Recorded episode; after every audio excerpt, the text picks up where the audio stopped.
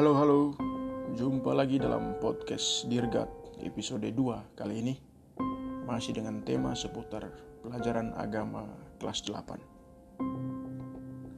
Semoga semuanya tetap sehat, semangat untuk mendengarkan pelajaran hari ini. Kali ini kita masih melanjutkan pembahasan dari bab 7 tentang gereja sebagai tanda dan sarana keselamatan. Dalam episode 1 kali lalu, kita semua sudah diajak untuk memahami tentang arti, tanda, dan sarana keselamatan dalam kehidupan sehari-hari, juga arti keselamatan itu sendiri, baik arti secara umum maupun pemahamannya berdasarkan kitab suci. Nah, keselamatan dalam kitab suci sering kali dikisahkan sebagai saat ketika tiap pribadi berusaha mendekatkan diri pada Tuhan dan karenanya Tuhan menyelamatkan. Contoh kali lalu kita sudah dengar bersama kisah tentang Petrus dalam Injil Matius bab 14 ayat 26 32. Petrus yang hampir tenggelam tapi kemudian berteriak minta tolong kepada Tuhan akhirnya diselamatkan. Jadi kalau mau selamat sering-seringlah mendekatkan diri pada Tuhan. Nah, dalam Dirgat episode 2 kali ini pembahasan kita akan lebih memfokuskan diri pada subtema B yakni gereja sebagai tanda dan sarana keselamatan. Secara sederhana bisa dipahami begini. Kalau keselamatan itu tercapai jika setiap pribadi mau terbuka, mau mendekatkan diri pada Tuhan, mau bersatu dengan Tuhan, mau mengalami kehadiran dan penyertaan Tuhan, maka tanda dan sarana yang membantu tiap pribadi untuk mencapai tujuan itu adalah gereja. G E R E J A, gereja. Tuhan tentu tidak kelihatan, tapi bukan tidak mungkin kehadiran dan penyertaannya yang menyelamatkan dirasakan, bukan? Nah, oleh karena gereja adalah tanda dan sarana keselamatan, maka tugas gereja adalah membantu tiap pribadi untuk dekat, untuk mengalami, merasakan kehadiran Tuhan yang menyelamatkan itu. Nah dalam pembahasan bab 6 kita sudah berbicara banyak tentang apa itu gereja. Dari asal katanya, kata gereja berasal dari bahasa Yunani, yakni eklesia, yang berarti pertemuan rakyat yang bersifat religius. Dan dalam pengertian yang paling sederhana kita semua sudah paham bahwa gereja itu bukan saja bangunan tempat ibadah, tapi juga orang per orang, pribadi per pribadi yang menamai diri sebagai pengikut Kristus, sebagai umat Allah. Nah, ada dua contoh kecil yang semoga bisa membantu kita untuk lebih paham tentang arti gereja sebagai tanda dan sarana keselamatan. Contoh pertama, misalnya seorang yang lagi galau dan stres berat dalam hidupnya, karena mungkin baru putus cinta atau baru saja mengalami kegagalan dalam usaha juga baru saja kehilangan harapan karena masalah tertentu. Dan pada suatu ketika dia memutuskan untuk datang ke gereja dan berdoa secara pribadi dengan Tuhan. Situasi gedung gereja yang mendukung keheningan, tanda-tanda atau simbol yang ada di dalamnya, misalnya ada salib, ada altar, ada lilin yang bernyala dan lain-lain, tentu akan bantu pribadi yang galau tadi masuk dalam keheningan menumpahkan kepahitan hidupnya, memohon pada Tuhan, dan hampir pasti, meskipun sama sekali belum ada jalan keluar untuk tiap persoalan hidupnya itu, sekurang-kurangnya orang itu akan memperoleh kekuatan, akan memperoleh semangat baru untuk menghadapi kepahitan demi kepahitan dalam hidupnya itu. Dan hampir pasti dia akan keluar dari gereja sebagai pribadi yang diselamatkan. Gereja dalam arti gedung dalam arti bangunan fisik sudah menjadi tanda dan sarana keselamatan bagi orang tersebut.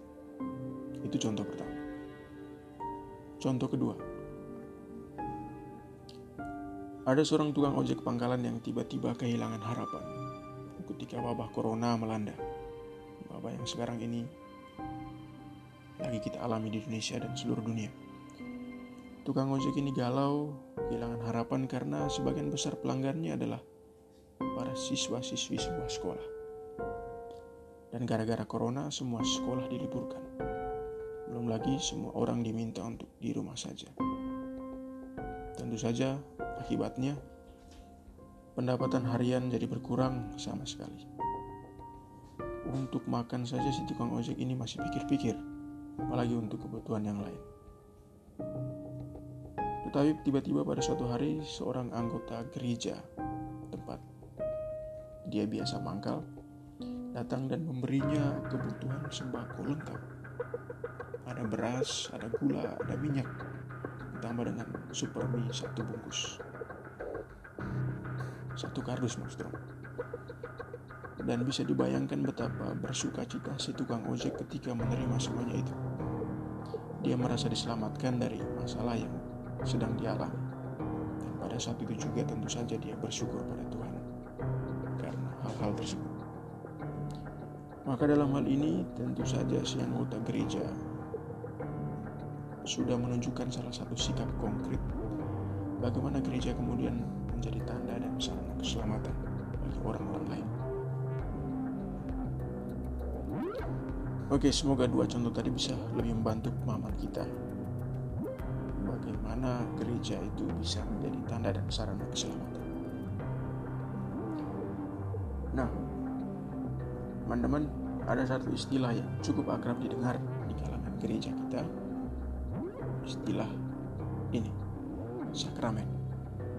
Sakramen. Nah, sakramen itu dalam arti yang sangat sederhana adalah tanda yang kelihatan, tanda yang terlihat, yang disediakan oleh gereja untuk membantu orang mengalami, merasakan kehadiran Allah yang menyelamatkan, meskipun Allah itu tidak kelihatan.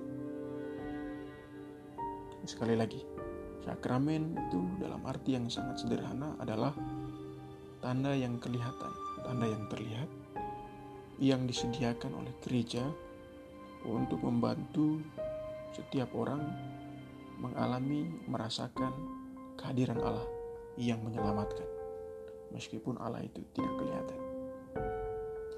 Nah, kalau dilihat dari pengertian ini, gereja bisa disebut juga sakramen, karena gereja menjadi tanda dan sarana keselamatan itu sendiri.